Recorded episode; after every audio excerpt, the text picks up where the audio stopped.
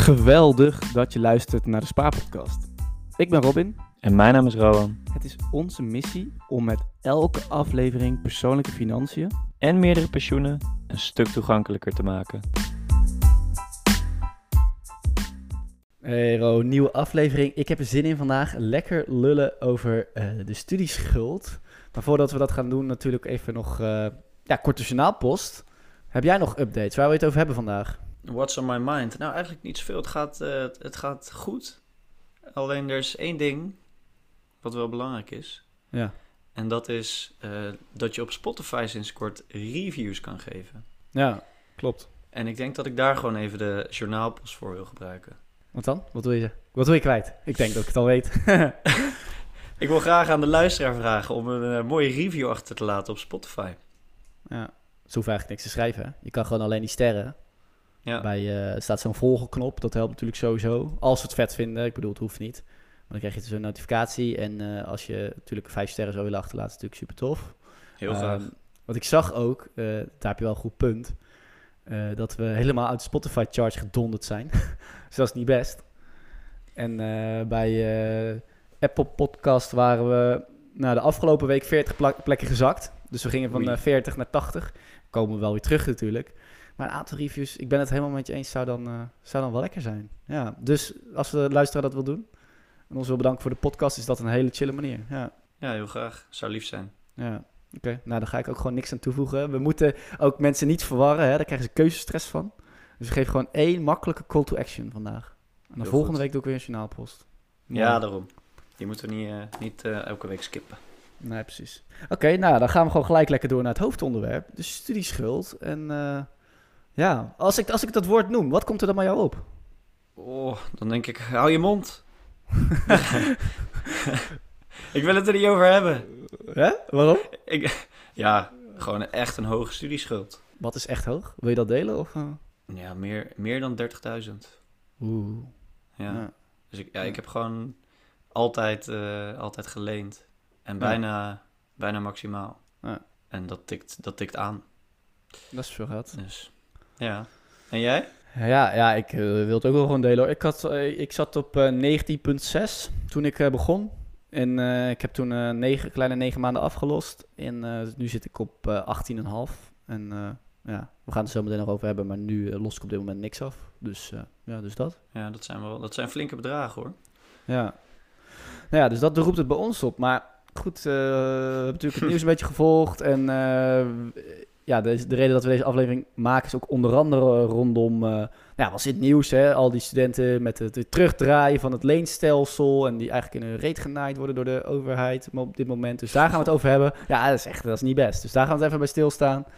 Maar ook uh, ja, van die bizarre verhalen over beleggen en zo met geleend geld. Dus ja, ik, was er niet. Jij, jij zei laatst iets over. Ja, ik had een anekdote of zo van, van iemand met zijn studieschuld. Ja, ik had dus een. Een nieuwsartikel ergens gezien dat er gewoon mensen zijn die dus maximaal bijlenen. En die kopen dan crypto's ja. met, met dus hun studie. Ja. Wat ja, dat lijkt me niet echt het financieren van je studie. Maar uh, ja, ik dacht dus van, dat is op zich een goed idee. Ja. Tenminste, als ik dat had gedaan uh, toen ik studeerde in 2013... Ja. Toen uh, was een bitcoin 300 euro. Dan had ik elke maand een bitcoin kunnen kopen. En dan was ik nu klaar geweest. Dus dan was het, uh, was het slim geweest. Alsnog gokken. Ja. Maar nu in zo'n gekke cryptomarkt en dan maximaal bijlenen en dan in de crypto steken. Ik vind dat uh, gekheid. Gekheid op een stokje. Ja. Ja, daar ben ik met je eens, man. Ik, uh, ik schrik ervan. Ik vind het schrikbarend dat mensen dat doen. Ik vind het ook onethisch. zeer, zeer onverantwoord ook. Uh, zou ik het ook niet hebben gedaan toen het 300 euro was. Want uiteindelijk, weet je, als je dat doet en je doet het inderdaad vier jaar. En uh, ik had volgens mij nu even een rekensommetje gemaakt. Als je vier, dus in, in, in, in, in mijn tijd, in onze tijd, dus kreeg je ongeveer 300 euro basisbeurs. Dat was, uh, als je dat vier jaar lang doet, dan heb je zo'n 15.000 euro geleend. Ja, dat is gewoon echt best wel veel geld. Mm -hmm. en, ja, met het risico dat dat op nul staat, vind ik dat onverantwoord in ieder geval. En dus als het zes jaar wordt, dan wordt het natuurlijk nog eens, nog eens veel meer. En het probleem inderdaad wat jij, wat jij zegt, wat jij schetst, is dat ze dan nog eens veel meer lenen dan die 300 euro. En dat het niet naar de studie gaat. Dus ja, daar ben ik het helemaal mee eens. Ik vind dat, eh, ik Ja. vind dat niet kunnen. Ja, ik vind het ook gekheid, maar aan de andere kant denk ik ook van, ja, weet je, het is, eh, je kan dat geld krijgen en eh, natuurlijk is het de bedoeling dat je het aan je studie moet besteden, maar je mag uiteindelijk zelf bepalen wat je, wat je met dat geld doet. Ik, ik ben bijvoorbeeld op exchange geweest, Ja, nou, toen kreeg ik ook studiefinanciering, Ja. maar ook toen mijn exchange afgelopen was en ik daarna nog eh, door ging reizen, heb ik ook nog een paar maanden studiefinanciering gehad. Ja. Dus, dus ja, wat is dan het verschil van, oké, ik krijg eh, eh, een paar honderd euro per maand en ik, doe, ik betaal er een reis mee. Of iemand krijgt een paar honderd euro per maand en die koopt er crypto's of aandelen. ja oké. Nou, lekker filosofisch. Dus jij zegt eigenlijk, waarom crypto niet? Maar wij gingen reizen en bier drinken misschien. eh, waarom mag dat wel? Hè? Eh, Ja, dat is een goede Ja. vraag. Ja, Ja, dus, ja. Het, het is misschien ook een, een eh, op een sollicitatiegesprek dan, ja, dan is het een beter verhaal als je zegt van, nou, ik heb gereisd, andere culturen meegemaakt, dan zeggen, ja, ik heb eh 70.000 euro verloren met crypto. Ja, ja. Ik, weet, ik weet wel wie ik dan interessanter zou vinden. Ja zeker. Ja, toch degene die is gaan reizen. Ja. Nou ja, misschien zie ik het ook een beetje zo. Al, als je dan geld leent. ehm, kijk, als jij gewoon je studie kan betalen en dat soort dingen. Omdat je er bijvoorbeeld ook nog naast werkt. Dat is misschien alweer anders. Dus, ehm, ik werkte er ook nog naast. Dus dan kan je ook een beetje zeggen. Nou, het geld dat ik maximaal leende destijds was voor mijn studie. En wat ik daarnaast werkte ging dan naar eh, die reizen en, eh, en eh, leuke dingen. Dus ja. Nee, dat, ik, maar je hebt een, eh, ik denk dat het zo'n hele goede stelling zou zijn voor het vak maatschappijleer van vroeger. dat je dan een soort van moet debatteren. Je hebt wel, je hebt wel een punt. Ehm, maar het grote verschil, denk ik, voor mij is wel dat ehm, er was altijd een bepaalde zekerheid dat ik het kon terugbetalen. Dus ook toen ik student was, had ik echt best wel wat geld op mijn rekening staan. En heb ik het inderdaad gebruikt om dingen te kunnen doen die, nou, die zeker nu in mijn, voor in mijn carrière goed uitpakken.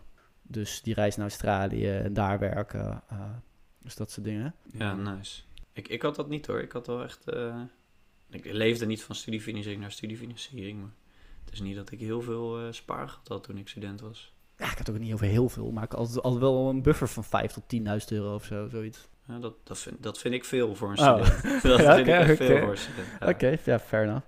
Nou, dat, dat- oké, laat ik hem anders stellen dan. Eh, dus ehm, crypto mag niet, maar een ETF zou dan wel mogen. Of, of is dat dan ook gewoon niet goed? Je mag ook geen geld lenen om in een ETF te stoppen. Ehm, ja, kijk hoe ik het zie. Ik, ik, ik vind sommige dingen gewoon onverstandig. Ja. Maar eh, ja, wees vrij om, eh, om je eigen fouten te maken. Dus doe maar. Eh, Ik, ik denk dat het verstandiger is om het in een ETF te doen dan in aandelen of crypto. Maar Ja. ik weet niet of dat helemaal. Vind je niet dat mensen dan dat er een bepaalde verantwoordelijkheid is? Want mensen kunnen heel relatief makkelijk meer lenen. Ze zijn heel erg jong. Vind je niet dat we als samenleving, als overheid dan een bepaalde verantwoordelijkheid hebben om die mensen wat meer in bescherming te nemen? Dus gewoon eigenlijk te zeggen, ehm, nou, eh, als je geld leent, mag je niet eh, actief zijn op de beurs. Dan, dan moet je dat maar met ander geld doen. Dan moet je dat maar ergens anders vandaan zien. Ja, ja dat eh, hij wordt wel heel filosofisch nu hoor. Maar ik Ja. denk. eh, ik denk niet dat dat zou moeten. Ik, ik denk dat je gewoon die vrijheid zou moeten hebben. En dat je dus de studiefinanciering ja, ook een soort van kan zien als leergeld. Dus dat je erachter. Uiteindelijk komen die mensen er allemaal achter van: oké, fuck, ik heb geld geleend. eh, ik heb misschien verlies gemaakt. Dus dit was een hele domme beslissing. Eh, geld lenen en het volledig investeren, dat was niet verstandig. Ja. En dat, dat- dan draai je hem om. Dus dan is het niet van, nou, we gaan van tevoren al blokken dat jij iets niet kan doen. Maar eh, doe het maar, maak maar fouten, je bent jong. Ja, maar je krijgt een paar ext- hele extreme gevallen van ook. Hè? Dus eh, mensen die gewoon eigenlijk nooit meer kunnen herstellen van de hoogte van de studieschuld die ze hebben opgebouwd. Altijd de rest van hun leven bijna een achterstand zullen behouden. Is dat dan niet... eh, zullen die mensen dan niet achteraf zeggen, had me maar in bescherming genomen? Vast, vast. Maar Ja. dan kan je beter mechanismes hebben om die mensen tussentijds eh, te kunnen helpen al. In plaats van ze tijdens hun hele studie de mist in laten gaan. Dus het is, ei- je zou het eigenlijk net als met casino's, weet je wel. Daar word je na, eh, na drie keer in een week langs te komen, word je aangesproken. Ja. Ja, dat is ook van de overheid. Het zou handig zijn als de overheid dat ook doet bij mensen die dus gewoon binnen drie jaar op eh 60k studieschuld zitten. Ik roep maar wat. Ja, dat is dat meer een soort van eh, educatie. Ja, ja, ja oké. Ja, dat vind ik wel een vrije gedachte. Leuk. Ja, klein bruggetje dan. Eh, we, hebben, we, hebben nu wat, eh, we hebben nu wat extreme stellingen. Eventjes naar die grote groep studenten van de afgelopen paar jaar... die in dat nieuwe, of in dat leenstelsel kwam... waar het even geen eh, gift meer was. Wat vind je er nu van dat dat zo is gebeurd... en dat ze dat nu weer willen terugdraaien, politiek gezien... en ook dat er dan een bepaalde... Nou die, ze, ze krijgen naar schatting 1000 euro compensatie. Even wat statistieken had ik erbij gezocht. En, maar als je dus inderdaad vier jaar zo'n basisbeurs leent en niet als gift krijgt, ben je 15.000 euro kwijt. En dan krijg je nu 1000 euro compensatie. Dus je bent 14.000 euro, moet je vooroverbukken. Dat werd er zo uitgetrokken. En nu draai je dat weer terug. En heb je gewoon eigenlijk pech gehad omdat je in een bepaald jaar studeerde. Dus, dus wat vind je daarvan? Nou van? Ja, eh, kijk, ik, ik heb altijd op zich wel uh, sympathiek naar die periode gekeken.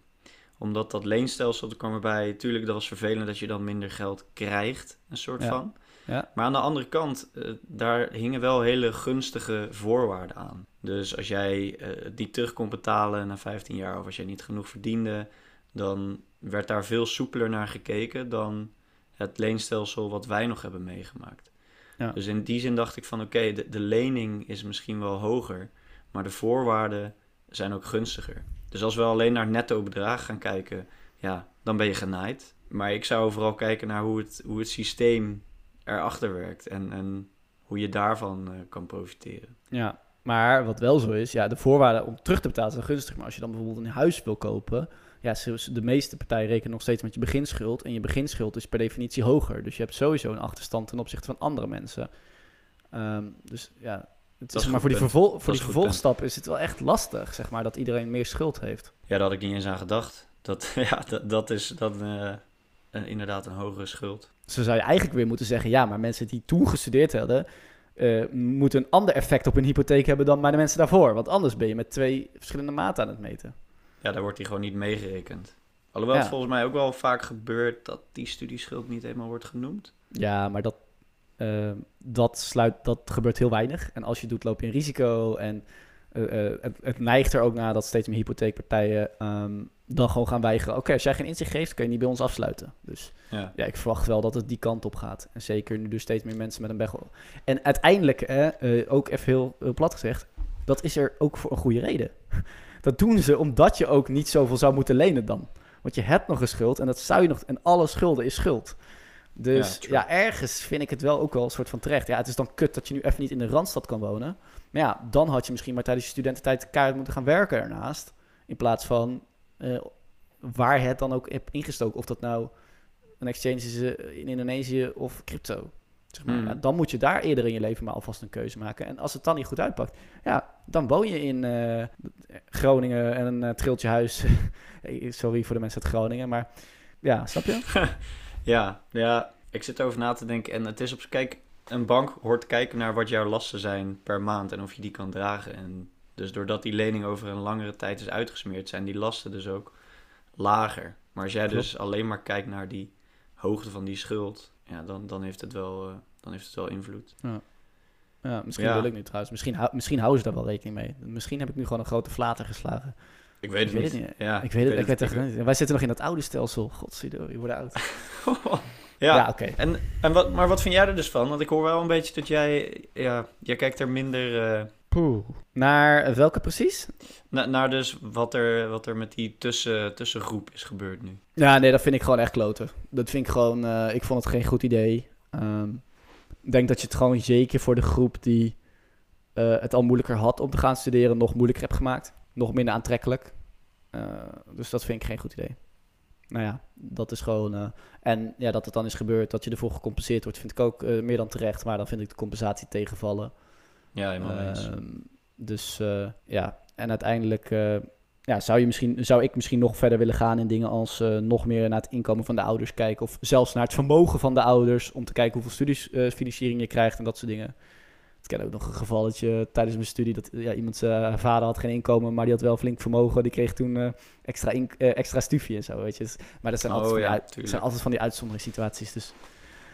Eh, maar dat gaat wel heel ver. Maar ik vind het voor die mensen echt heel vervelend. En eh, ja, ik ben blij dat wij geluk hebben gehad. Want één, het was een gift. En tweede, hebben we ook nog eens het geluk dat er nu al jaren 0% rente wordt gerekend. Hè? Ja. Dus dat is wel... eh, We zijn een mazzel, mazzelgeneratie. Eigenlijk In wel. die zin dan. In die zin dan. Ja. Eh, de huizen zijn wel een beetje te duur voor onze generatie, maar de stufie was, was chill. Ja, ja. En- ja, ja.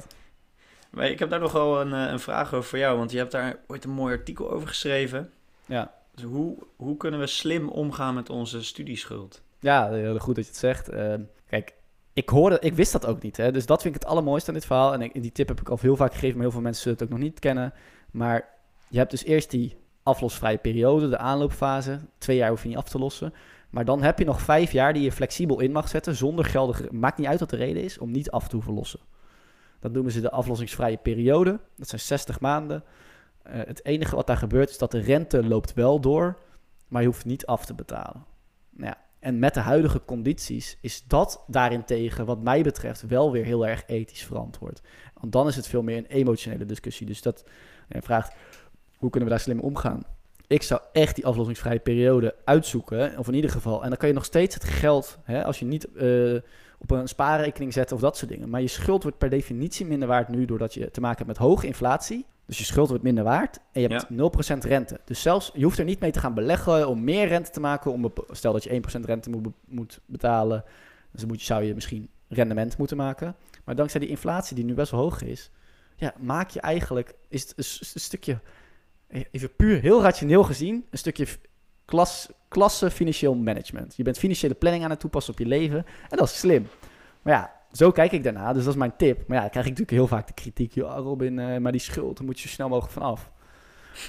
en ehm, Hoezo moet dat? ja, mensen hebben daar, eh, dat is natuurlijk goed hè, dat is ons ingeprent, eh, geld lenen kost geld.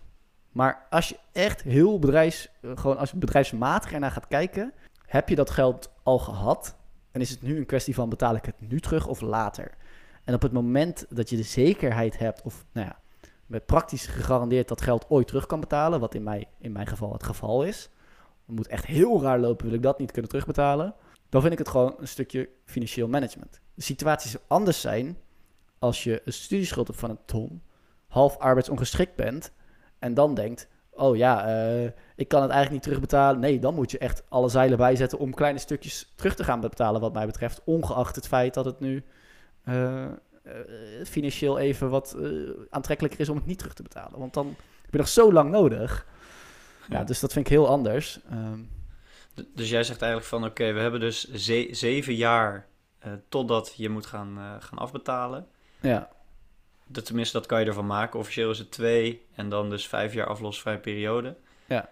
En zet die dus aan eh, zolang het verantwoordelijk is en je zeker weet van oké, ik kan hoogstwaarschijnlijk die schuld die ik heb prima gaan aflossen over vijf jaar. Ja, dat vind ik. Ja, ik vind eh, de ethische grens ligt voor mij bij kan je het terugbetalen. Het is geleend geld, het is van de overheid. Het is niet de bedoeling dat je het zo inzet of dat je uiteindelijk maar eh, een beetje onvindbaar wordt. Dat heb je ook nog wel van heel veel van die mensen die dan onvindbaar worden met een studieschuld van 70.000 euro en dan ergens in eh, Zimbabwe gaan wonen. Nou, dat vind ik niet kunnen. Daar zou ik niet trots op mezelf zijn. Dus Nee. daar, daar zit voor mij echt die grens. Ja, ja. Ja, dat zullen er vast niet zoveel zijn, denk ik. Nou, Dus dat hoop ik. het schijnen er nog wel eens wat te zijn, maar ik, ik heb geen exacte cijfers. Ja. Want heb jij ook berekend dan eh, wat het jou dan scheelt met de huidige inflatie? Nee, niet met de huidige inflatie. Maar ja, ik had, eh, dat, levert me echt best wel veel op. Dus eh, echt eh, qua waarde duizenden euro's, zeg maar. Hè? Dus als je nu, zelfs als je maar die 2% inflatie pakt op een studieschuld van eh 20.000 euro, nou, dan maakte ik ook nog wat rendement op, de, op geld. Ja, dat levert hem echt wel duizenden euro's op aan, aan, aan extra waarde. En eh, nou ja, zeker in onze levensstijl, hè, dus aan het begin van je carrière heb je eigenlijk te weinig geld, maar meer tijd, is dat gewoon heel erg welkom. Want in die zeven jaar, die eerste zeven jaar van mijn carrière, is mijn inkomen wel, ja, weet ik veel, keer twee gegaan of zo. Dus ja, daardoor kan ik het nu heel snel terugbetalen. Terwijl toen had ik heel veel moeite mee. Ja, helemaal waar. Het is ook veel lekkerder om als je nog minder geld, als er minder geld binnenkomt, dat je dan je lasten lager kan houden ook door, door dit even aan te zetten.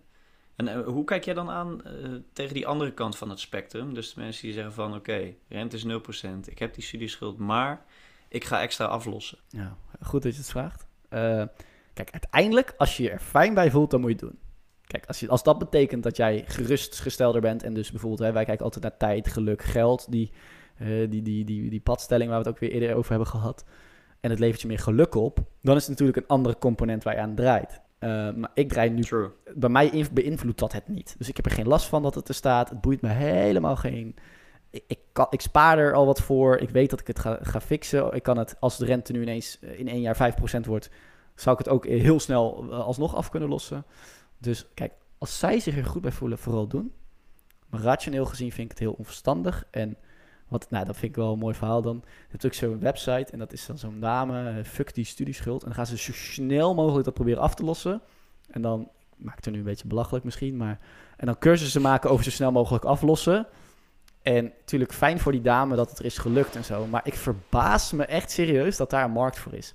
Ik denk, holy moly. Dus je maakt en de verkeerde rationele beslissing... en dan gaan mensen je er nog beta- voor betalen ook om daarbij te helpen. Ja, echt van de zotte. En dan denk ik, joh, dat is, dat is waarschijnlijk een opeenstapeling... van verkeerde financiële keuzes in je Ik leven. kende het niet eens. Ik ken Ja, en, dat krijgt dan media-aandacht. En dan denk ik, man, man. Ja, ik snap dat het Maar ja, andere het is- perspectieven belegd moet worden, maar... Ja, het is op zich wat jij zelf zegt. Van, nou, dat zit dan in die andere hoek van, eh, van het geluk. Ja. ja, klopt. Dus ik, ergens zeg ik ook, ja, daarom begin ik ook met, ik begrijp het. Maar aan de andere kant denk ik, ik vind het...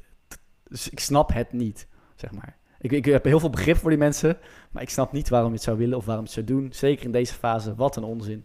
Als Ja, je mensen van onze, luister, van onze podcast luisteren toch omdat ze slimme financiële beslissingen willen maken. Ja, man up en maak de juiste financiële beslissingen. Ga niet ze, eh, je, je hoeft echt niet als een een of andere jekko meer af te gaan lossen dan nodig is. Want de overheid zegt toch gewoon, ah, doe 100 euro per maand. Ja, prima. Ga dan niet zitten janken dat er 10.000 euro staat en daar heel emo- emotioneel over doen. Maar als ik hem dan terugkoppel aan, aan dus het effect op je hypotheek.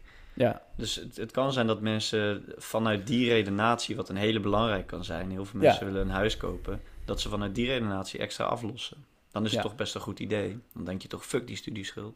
ja, dat is financiële planning. Daar ben ik, dan ben ik het er wel mee mee eens. Maar dan moet je wel dus goed kijken van... rekent de hypotheekverstrekker met het hele bedrag? Moet ik dus alles aflossen? Maar ik heb ook wel eens mensen gesproken die zeggen... ja, ik heb al 10 van de 20 heel snel afgelost. En dan rekent degene alsnog met... eh, eh, de bank alsnog met die 20... en dan hebben ze exact evenveel pech met een hypotheek. En nog minder cash ook. Dan ben je dubbel dom bezig. Ja. Dat is niet dubbel winnen, maar dubbel verliezen. Ja.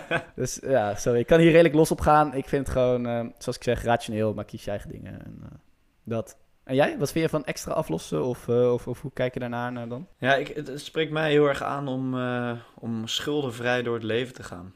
Dus dat, ik, ik zou het wel een, eh, een interessante optie vinden. Maar rationeel gezien, dus dat is een emotionele overweging, maar rationeel gezien weet ik gewoon dat ik het niet moet doen. Ja. Dus ik doe het daarom ook niet. Dus Ja. soms moet je als mens je emoties eh, eventjes onderdrukken. En eh, ja, hier lukt dat bij. Dus ik, ik, zit, ik zit in jouw team. Ik hoop dat ik je niet te veel beïnvloed heb. ja, Alleen maar goede invloeden. Nou ja, oké, ja. Eh, schuldenvrij door het leven is uiteindelijk ook eh, absoluut, absoluut het doel. En daarom ook mijn eh, aversie tegen al die risico's en van die mensen die dan nu, zeker op Instagram, met ongekende risico's nemen met hun studieschuld. Ehm, ja, ik vind dus dat, dat moet je hard de kop indrukken. En ik ben wat dat betreft gewoon wel voor bepaalde wetgeving. Ik vind gewoon niet dat dat mogelijk zou moeten zijn. Ehm, dus, en als dat betekent dat ze dan ook niet in ETF's mogen beleggen, of weet ik, I don't know, maar iets van een grens daarin trekken vind ik heel realistisch. Want ja, mensen die eh 80.000 euro studieschuld hebben uiteindelijk en gewoon allemaal domme dingen hebben gedaan. Weet je, die mensen zitten vast in hun eigen red race. Hè? Die moet je beschermen. Die, die zien niet anders meer. Of het nou crypto is of bier drinken of wat dan ook. Eh, Ja. Het is gewoon, je zet die mensen zo op een achterstand. En dan heb ik het wel helaas over de extreme gevallen. Eh, Ja, je hebt wel een punt hoor. Ik weet niet wat de, wat de cijfers daarvan zijn. Het zijn natuurlijk wel uitzonderingen. En ik vind het altijd eh, vanuit de IT, jij, jij vindt dat denk ik ook als product owner, om voor uitzonderingen ja. eh, dingen te gaan implementeren. Dat is meestal een no-go. Ja, dat is waar. Ja, ja nee, dat klopt. Dus Dus ja. eh, misschien is het gewoon het risico van het systeem. En als je er, maar het is echt heel erg lullig als je daarin bent beland. Eigen En- studieschuld, dikke bult. Nou ja, dan vind ik dus wel, als je als overheid zegt van oké, daar bouwen we geen maatregelen daarvoor in, dan moet je wel genoeg budget hebben om dat soort mensen te helpen om daar echt uit die situatie te komen.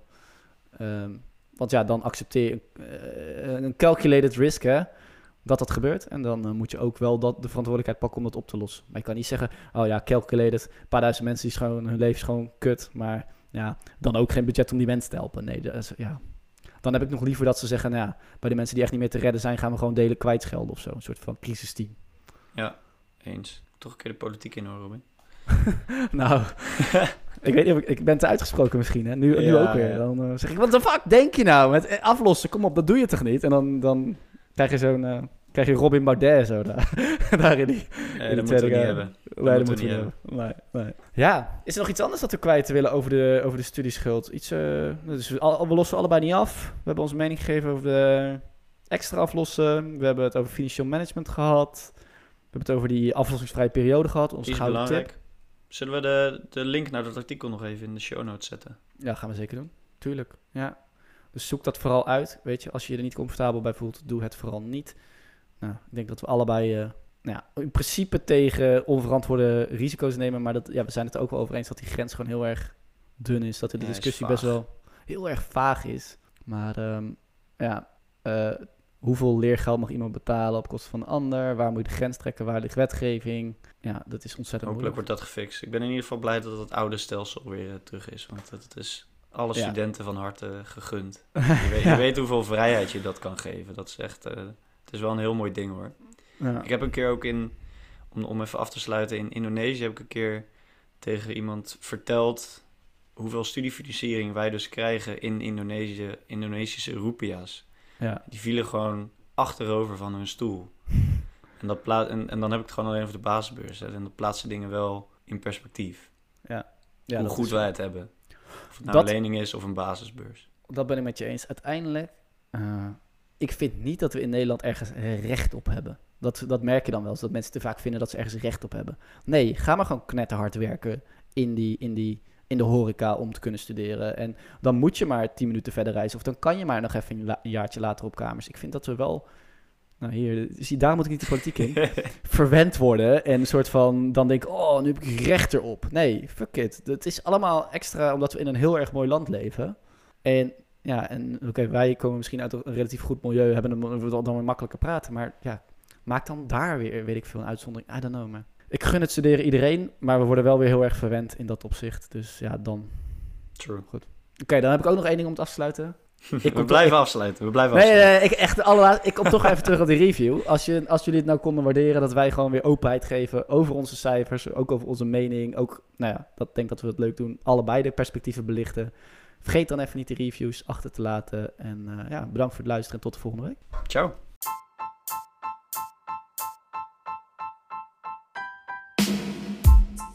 Bedankt voor het luisteren naar de Spaarpodcast. Ik hoop dat je er iets van hebt opgestoken. En dat je een stap dichterbij het op orde brengen van jouw persoonlijke financiën bent gekomen. En wie weet helpt het je ook om een leven met meerdere pensioenen te realiseren. En mocht je nou meer willen weten, dan ontstaat er ontzettend veel info op Je vindt hier ook veel persoonlijke artikelen over Robins portfolio en bijvoorbeeld zijn workations. Ja, en heb je nog andere vragen? Stuur dan gerust een berichtje op Instagram naar de Spaarpodcast. Spaarpot met een D en kast met een C. Je kunt Rowan natuurlijk ook een bericht sturen op zijn Instagram en dat is 10 keer met pensioen. Nogmaals bedankt voor het luisteren. En mocht je onze missie steunen, dan stellen we het ontzettend op prijs als je op Apple Podcast of Spotify een review achterlaat. Ja, en wil je natuurlijk zelf een keer in de show komen? Ja, dat kan ook. Neem dan contact met ons op via de eerder genoemde Instagram. Of even een mailtje naar mij, robin.despaarpodcast.nl Dit was het man en hopelijk tot de volgende keer.